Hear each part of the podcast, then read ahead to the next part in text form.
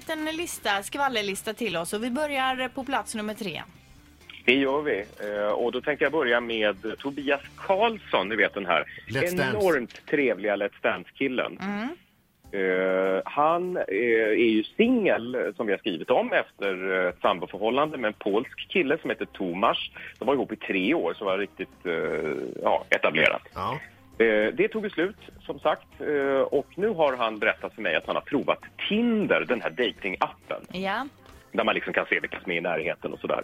Eh, han berättade att han låg hemma och så swipade sådär med fingret i tre timmar och fick inte en enda match. Så att nu har han faktiskt raderat den och gett upp.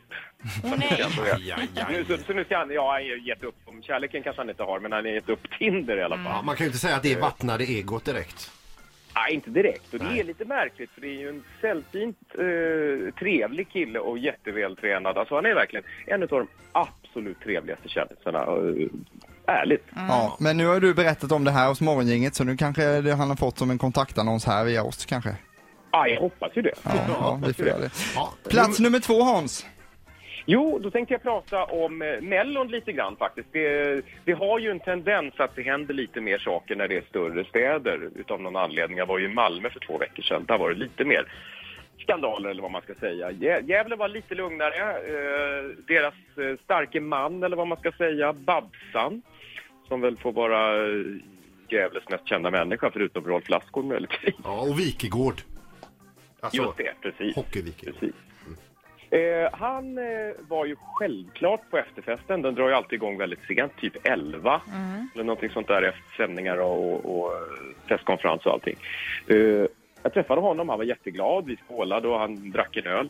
Så efter fem minuter efter att festen hade börjat så såg han helt knäckt ut. Och då visade det sig att, eh, inte hans hund, men hans inneboendes hund, eh, det var några som var hemma hos honom, han har ju ett jättefint sommarhus i Furuvik precis Ja. utanför Gävle. Eh, då hade den hunden sprungit iväg när de hade varit ute och rastat den, de som var hundvakter. Så att han eh, var ju tvungen att ge sig därifrån efter fem minuter och sa att nej, jag kommer inte att komma tillbaka, det orkar jag inte. Det är i alla fall några mil. Eh, och det, jag kollade upp det där sen och hunden var borta i två timmar. De var jätteoroliga för att eh, de har hittat vargspår tidigare bara några kilometer från huset. Så de var ju verkligen oroliga. Men lilla Tyra kom tillbaka efter två timmar. Men du, jag får fråga, du sa att det var större skandaler i Malmö. Vad var det som hände där då? det var man ju ex- ja, det, men jag kan knappt höra den här nyheten, bara vänta på skandalerna i Malmö här nu. Vad har vi missat?